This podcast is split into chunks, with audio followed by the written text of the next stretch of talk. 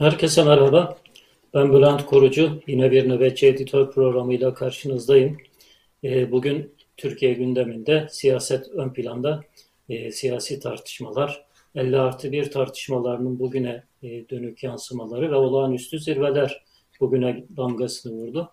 Hem Millet İttifakı hem Cumhur İttifakı'nın yöneticileri, liderleri Devlet Bahçeli ve e, Cumhurbaşkanı Erdoğan ayrıca Kemal Kılıçdaroğlu ile Meral Akşener programlarında olmayan olağanüstü zirveler yaptılar. Bu olağanüstü zirveler e, Ankara'yı bir anda e, hareketlendirdi, tansiyonu yükseltti.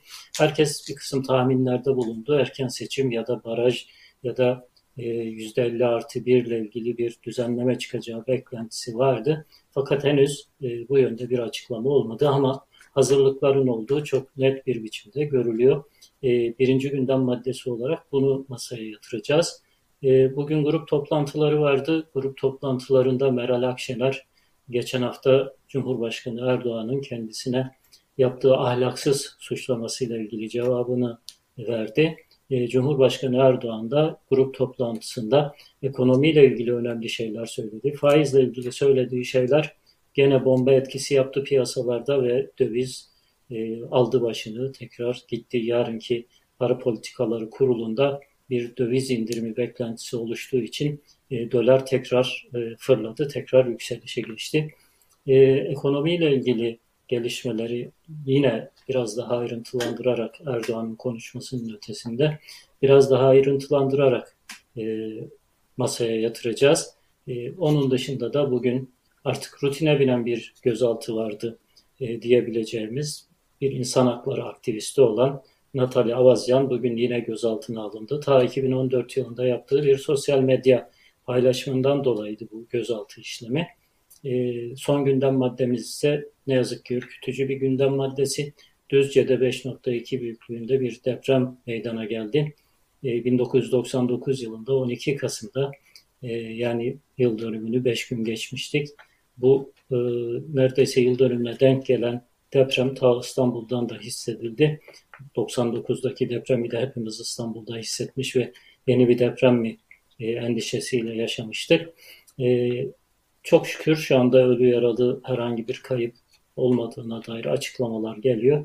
Ama yine de Düzce'nin ve bütün Türkiye'nin elbette yüreği ağzına geldi. Hemen birinci gündem maddesiyle başlayalım sevgili izleyiciler. E, koalisyonda 50 artı 1 çatlağı büyüyor. E, biliyorsunuz Cumhurbaşkanı'nın seçilebilmesi için e, son yapılan anayasa değişikliğiyle birlikte yüzde 50 artı 1'i yani çoğunluğun bir faydası, biz e, çoğunluğun oyunu alması gerekiyor adaylardan birisinin. Şayet alamazlarsa da ikinci tura kalıyor ve ikinci turda e, en çok oy alan tabii ki iki kişi e, son tura kaldığı için de her halükarda 50, %50'den daha fazlasını almış olması gerekiyor. E, bu artık e, Cumhur İttifakı'nda Tayyip Erdoğan'ın Cumhur İttifakı'nın adayı olarak görülen, doğal adayı olarak görülen Tayyip Erdoğan'ın bulması çok zor bir yüzde olarak e, tahmin ediliyor. Tahminlerin ötesinde artık kendileri de bunu kabullenmiş e, gibi davranıyorlar. Kabullendiklerini açığa vuruyorlar, ısrar ediyorlar. En son Cumhurbaşkanı Erdoğan Temel Karamollaoğlu ile yaptığı görüşmede Temel Karamollaoğlu'na bunu itiraf etmiş. %50 artı bir de yanlış yaptık demiş. E, bu, bu ısrarımız doğru değildi demiş. Temel Karamollaoğlu da çıktığında bu e, konuşulanları açıkladı. Bu konuşulanlarla ilgili e, medyaya bilgi verdi, kamuoyuna bilgi verdi. Erdoğan bugün e, doğrudan kendisi bir açıklama yapmadı ama yandaş medyaya sızdırılan haberlerden şunu anlıyoruz. Erdoğan demiş ki e, çevresindeki kurmaylarına söylemiş. Kurmaylar da yandaş medyaya aktarmış. Temel Bey'in söylediklerini sadece %50 artı 1 ile ilgili kısmı doğruydu. Yani Erdoğan %50 artı 1 ile ilgili rahatsızlığını bir anlamda teyit etmiş oldu. Diğerleri nasıl yanlış, diğerlerini niye doğrulamadı e, onu da ben anlamakta zorlanıyorum. Çünkü diğerleri Erdoğan'a e, hani söylediklerine inanıyor. Ben bu konuda da bir köşe yazısı yazmıştım. Ekonominin çok iyi olduğunu, dış politikada hiçbir sorunun olmadığını, e, diğer sosyal ve toplumsal konularda bir kısım e, yanlış giden ya da e, hükümeti zora sokabilecek gelişmelerin aslında abartıldığını, böyle olmadığını Temel Bey'e söylemiş. Bunu kamuoyu önünde de söylüyor Erdoğan zaten. E, Temel Bey'in söyledikleri içerisinde sadece %50 artı bir doğruydu, diğerleri doğru değildi. E, onun için ziyaretimi de iptal ettim. Bir iadeyi ziyarette bulunacaktım, onu iptal ettim e, demiş kurmaylarına. Kurmaylar da yanlış medyaya bunu sızdırmışlar. E, neyi yalanladı gerçekten bunu ben anlamakta zorlanıyorum. Erdoğan'ın ikinci e, çıkışı e, kendisine 50 artı 1 ile ilgili sorular sorulduğunda bu meclisin işi bir anayasa değişikliği gerekiyor. Meclis ne der, parlament, parlamento ne der ona bakacağız. Bu da bir anlamda açık kapı bırakmak değişikliklere. E, sadece Erdoğan'ın e, dolaylı açıklamaları, dolaylı ifadeleri değil, doğrudan kimi AKP'lilerin, kimi AKP'li e, yetkilinin, Erdoğan'ın baş danışmanları ya da Yüksek İstişare Kurulu üyesi Cemil Çiçek de bunların arasında %50 artı birin e, aslında çok büyük sorunlar çıkardığını ve ileride de çıkaracağını e, açık e, söyleyen bir açıklama yaptı. Gazetelerde bu yer aldı. E, MHP Genel Başkanı Devlet Bahçeli bu açıklamalara şiddetle tepki gösterdi. %50 artı birin bu sistemin garantisi olduğunu, sigortası olduğunu ve çoğulculuğun sigortası olduğunu, çoğulculuğun garantisi olduğunu söyledi. Bir anlamda bu konuda bir racon kesti. Cemil Çiçek'e hedef falan çok ağır ifadeleri vardı. Cemil Çiçek'in söyledikleri tahrip gücü yüksek sözler. Ağzında bir bakla varsa bunu çıkar, aklında bir Orhan varsa bunu söyle e, gibi açıklamalar yaptı. E, sadece Cemil Çiçek'le de sınırlı değildi. Şamil Tayyar AKP'nin e, medyadan transfer ettiği ve şu anda da partinin yönetim kurulu olan MKYK'sında görev yapan eski Gaziantep milletvekili Şamil Tayyar da e, %50 artı birin Erdoğan'a kurulmuş bir tuzak olduğunu e, sosyal medyada paylaştı. Çok daha ileri gitmiş oldu. E, hatta kendisini arayan bir gazeteciye bu tuzağı Sorosçuların Erdoğan'a kurduğunu söyledi. E, bugün Bahçeli %50 artı birin peşinden gidiyor. E, o zaman Bahçeli de e, AKP'li bu yetkili, bu yönetici, eski gazeteci tarafından Sorosçulukla suçlanmış. Bunlar için biraz e, hani sosyal medya kısmı ama e, Devlet Bahçeli'nin sert çıkışı e, kulislerde yeni bir beklentinin oluşmasına yol açtı. Erdoğan acaba ne cevap verecek? Bugünkü e, grup toplantısında bu konuyla ilgili hiçbir şey söylemedi. E, fakat e, grup toplantısından sonra olağanüstü bir şey gerçekleşti. E, MHP lideri Devlet Bahçeli e, Cumhurbaşkanı Erdoğan'ın programında yer almayacak bir şekilde alma, almamasına rağmen saraya çıktı ve Erdoğan'la baş başa bir görüşme yaptı. Ben sabahları affedersiniz e, Cumhurbaşkanı'nın programlarına bakıyorum. Size de biraz önce yansıttık bu programı. E, en küçük e, bir ayrıntıyı bile ihmal etmeden Cumhurbaşkanı'nın günlük programında internet sitesinde paylaşılıyor. E, Devlet Bahçeli'nin ziyareti ki çok önemli bir ziyaret. Hükümet ortağı, koalisyon ortağı bir partinin genel başkanlığıyla yapılan görüşme e, bugünkü programında yer almıyor. Demek ki gerçekten beklenmeyen bir görüşmeydi. E, bu görüşmeden sonra başka bir olağanüstü görüşme, başka bir olağanüstü zirve e, Ankara kulislerini hareketlendirdi. E, şimdi fotoğrafını görüyorsunuz. Devlet Bahçeli e, Türk devletlerinin haritasını Erdoğan'a e, hediye etmiş. Biliyorsunuz hafta sonunda böyle bir zirve gerçekleşti. E, Türk Devletleri Teşkilatı gibi bir teşkilat kuruldu. Binali Yıldırım da e, aksakallı olarak o teşkilata atandı.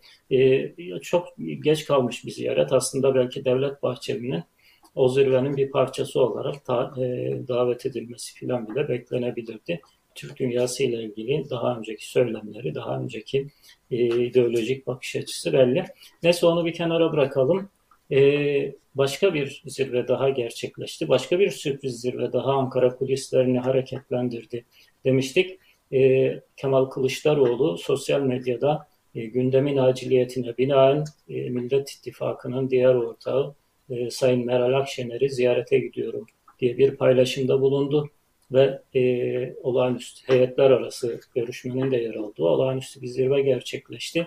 Zirveden sonra bir basın toplantısı e, düzenledi iki lider. Basın toplantısının da önemli maddelerinden bir tanesi e, 50 artı 1 ile ilgili e, Millet İttifakı'nın tartışmalara cevabıydı. E, ben e, not aldığım cümlelerini aktarmaya devam edeyim. Meral Akşener ve Kemal Kılıçdaroğlu 50 artı 1 tartışmasını koalisyon ortakları arasındaki bu tartışmayı e, biraz endişeye, biraz korkuya bağladılar. Hatta e, Kemal Kılıçdaroğlu e, 30 artı 1 de olabilir, 40 artı 1 de olabilir, 10 artı 1 de olabilir ama hiçbirisi Erdoğan'ı kurtaramayacak gibi iddialı bir çıkış yaptı. E, Meral Akşener de bunun tamamen endişeye bağladı ve kendi e, seyahatlerinden, kurmaylarının yaptığı seyahatlerden Anadolu'nun nabzını yansıtacak birkaç anekdot aktararak artık Erdoğan'ın gidici olduğunu söyledi. E, bu zirveyi, zirvenin çıkışındaki basın toplantısında Millet İttifakı'nın liderleri ekonomik bir heyet oluşturmak ve ekonomiyle ilgili bu olağanüstü duruma müdahale edebilecek formüller geliştirmek ve müdahale edebilecek formüller üzerine çalışmak için e, çalışma ekibi kurduklarını, ekonomistlerini bir araya getirdiklerini söylediler. Böyle bir açıklama yaptılar. E, açıkçası bu açıklama beni tatmin etmedi. E, Türkiye'de ekonomi bugün krize girmedi.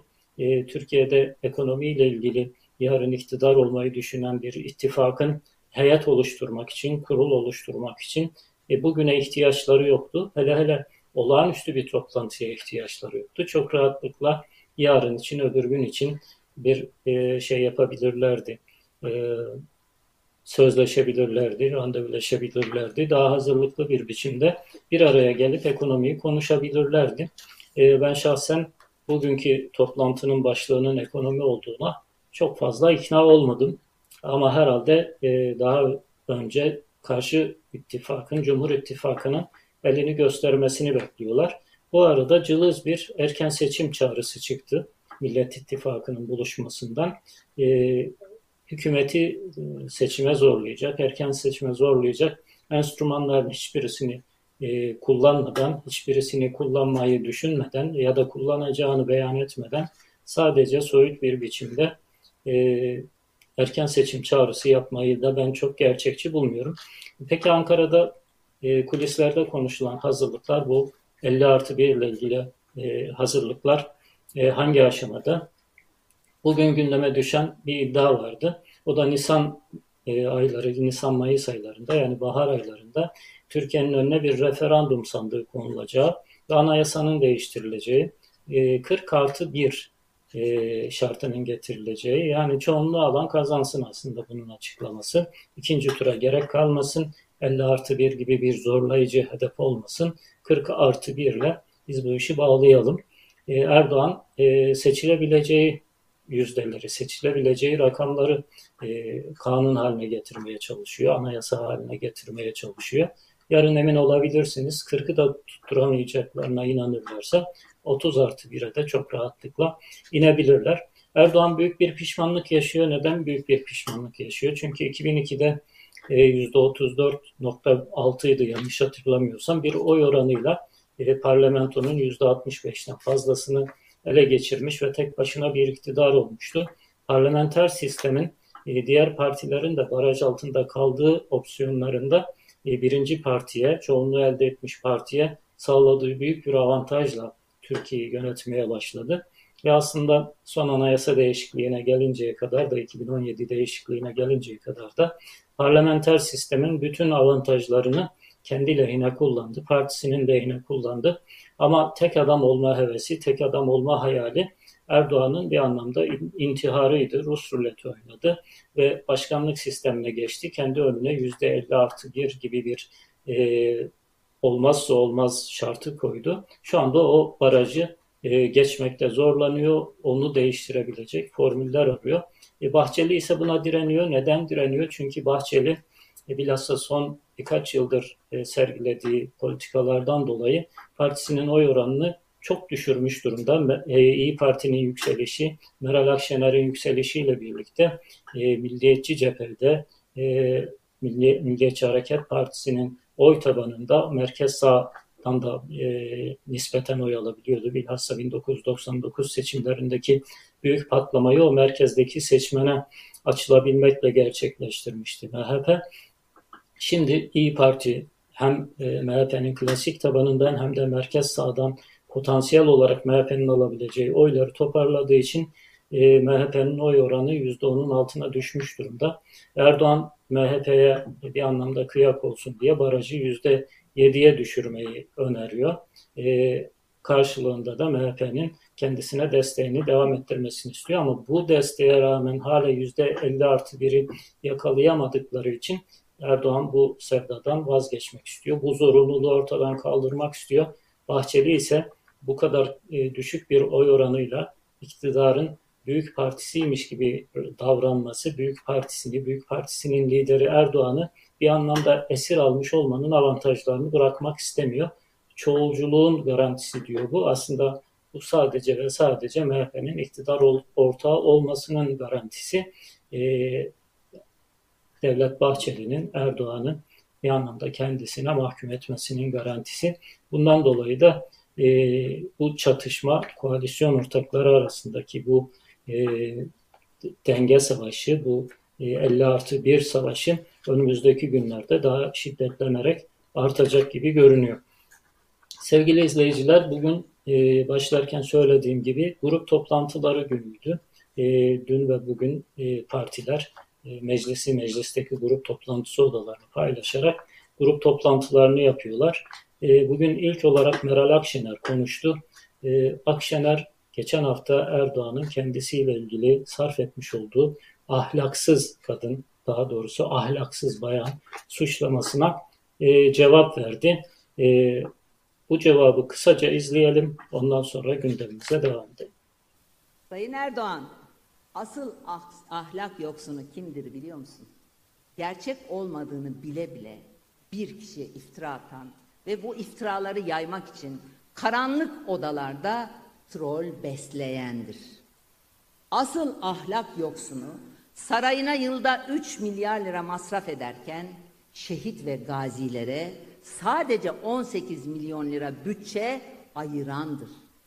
Asıl ahlak yoksunu bir yandan dindar pozları takınırken diğer yandan milletin hakkını, hukukunu ayaklar altına alan ve kul hakkı yiyip kıs kıs gülendir. Asıl ahlak yoksunu terörist başının mektubunu okutup kardeşini de devletin televizyonuna çıkartan ve ondan sonra da pişkin pişkin önüne gelen terörist ilan edendir. Asıl asıl asıl ahlak yoksunu yüce Türk milletine küfredenin vergi borcunu silip bir de üstüne ihale üstüne ihale verendir. Asıl ahlak yoksunu onlarca belgeli bilgili yolsuzluk varken savcılara soruşturma yapmayın diye baskı yapandır.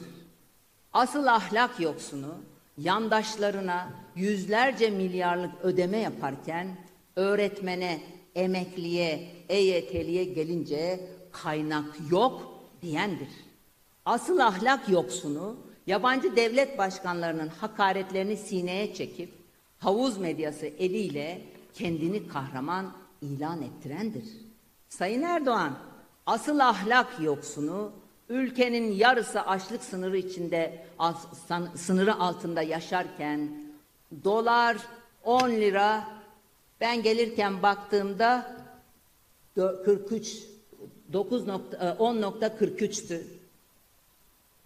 Olmuşken utanmadan, sıkılmadan, yüzünü bile yüzü bile kızarmadan ekonominin kitabını yazdığını söyleyebilendir. Evet ekonomi kitabını yazdık. Biz bu ekonominin kitabını yazdık. Erdoğan'ın geçen haftaya e, damgasını vuran sözlerinden bir tanesiydi, cümlelerinden bir tanesiydi. Bugün o kitabı yazmaya devam ediyor. E, meclis grup konuşmasında faizle ilgili daha önce tekrar ettiği ve her konuştuğunda da Türk ekonomisinin büyük bedeller ödediği sözleri e, tekrar etti Cumhurbaşkanı Erdoğan. E, faizle enflasyon ilişkisini kendi iddia ettiği gibi ve onun dışındaki herhangi bir e, gerçek ekonomistin de kabul etmediği iddiasını tekrarladı. Faiz sebeptir, enflasyon sonuçtur dedi ve faiz konusunda geri adım atmayacağını, faiz konusunda kendi gibi düşünmeyenlerle de yolunu ayıracağını, faiz konusunda kendi gibi düşünmeyenleri yanında istemediğini söyledi. E, bunun da yine döviz piyasalarında ateşleyici bir etkisi oldu. Bomba etkisi oldu daha e, açık ifadesiyle ve döviz bugün de e, çok yükseldi. Çok e, olağanüstü bir e, zirveye ulaştı. E, Erdoğan'ın faiz ve dövizle ilgili, faiz ve enflasyonla ilgili konuşmalarını e, konuşmasından kısa bir bölümü izleyelim. Sonra bültenimize devam edelim. Faiz sebeptir, enflasyon neticedir. Bunu farklı yere çevirme gayretine girenlere diyorum ki boşuna uğraşmayın. Anlayanlar anlamayan anlamaz. Ama biz faize kesinlikle milletimizi ezdiremeyiz. Salgın döneminde tüm ülkeler kepenkleri indirirken bizim yatırımlarımıza kesintisiz devam etmemiz açılıştan açılışa temel atmadan temel atmaya koşmamız bunun en somut örneğidir. ispatıdır.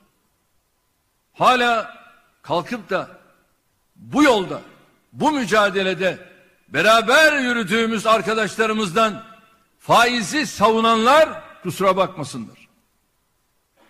Bu yolda ben faizi savunanla beraber olamam, olmam. Bunu bir defa bileceğiz. Zira şunu bilmemiz lazım.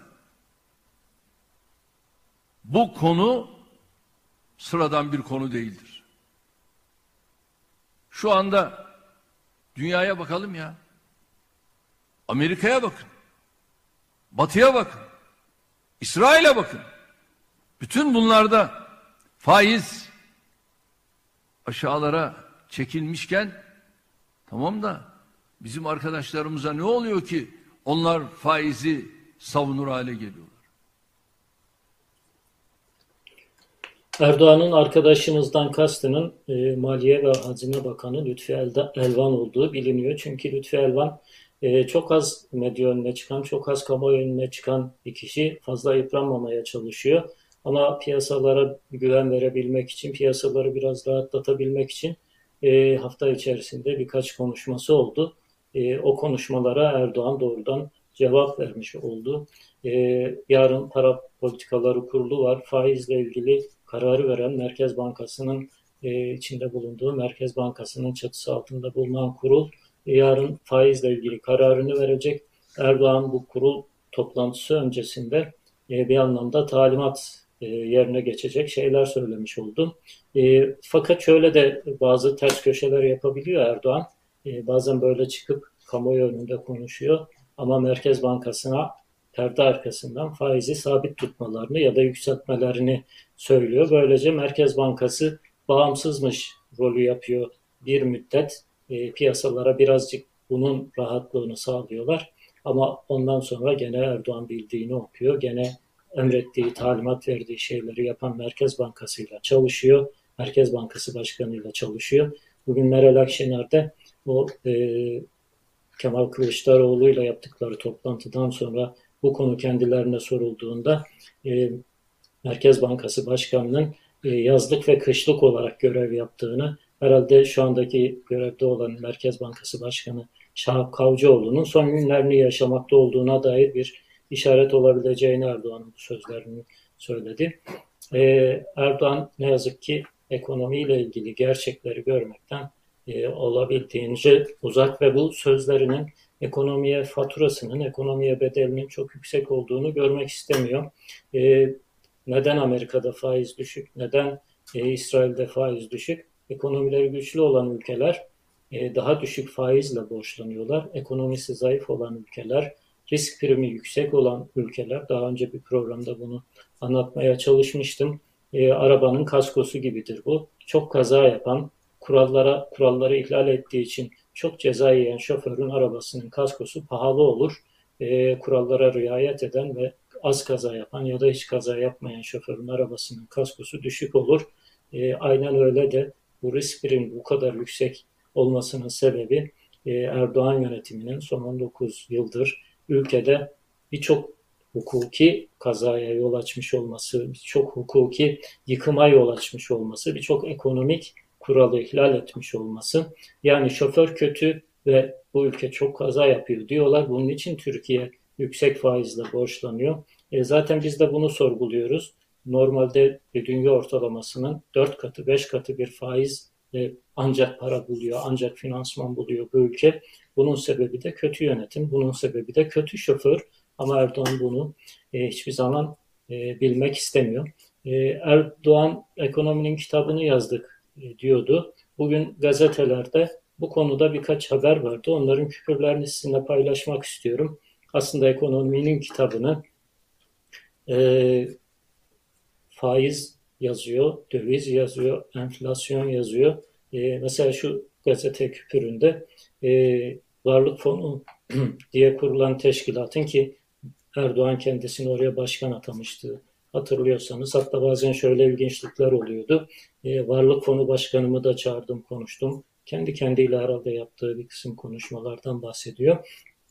Erdoğan'ın başkanı olduğu ve güya başka ülkelerde de varlık fonu var. Bunu uzmanlar defalarca izah ettiler. Gerçekten çok büyük varlıkları olan, çok büyük e, nakit e, stoğu olan ülkeler bunu yönetebilmek için varlık fonları kuruyorlar. Türkiye bunu bir aslında borç fonu olarak kurdu. Borçlarını yönetebilmek, ülkenin kaynaklarını, ülkenin değerlerini ipotek ederek yeniden borç alabilmek için aslında bu e, fonu kurdu Türkiye.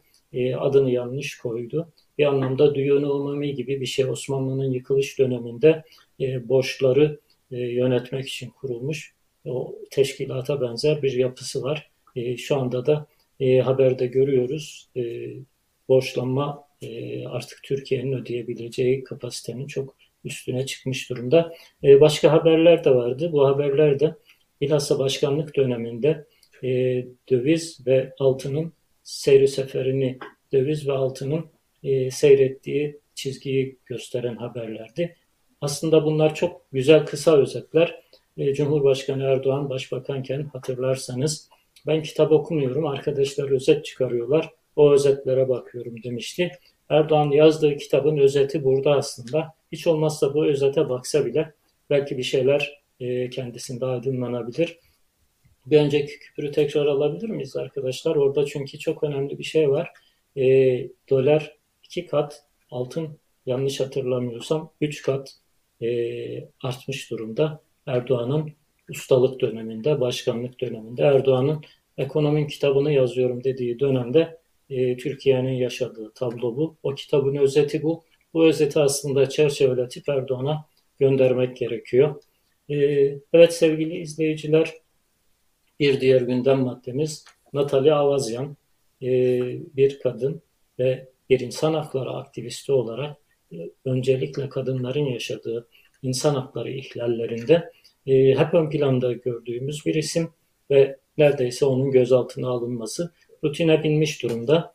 E, bugün de 2014 yılında Başbakanken Erdoğan e, yaptığı bir sosyal medya paylaşımından dolayı Erdoğan'a e, hakaret gerekçesiyle gözaltına alındı ve akşam saatlerinde de e, adli kontrolle serbest bırakıldı. E, yargılanması herhalde daha sonra devam edecek ifadesine başvuruldu. Böyle basit aslında suçlamalar normal hukuk düzeni içerisinde basit suçlamalar elbette. Türkiye'de tek adam rejiminde en önemli suç şu anda Erdoğan'a ilişmek.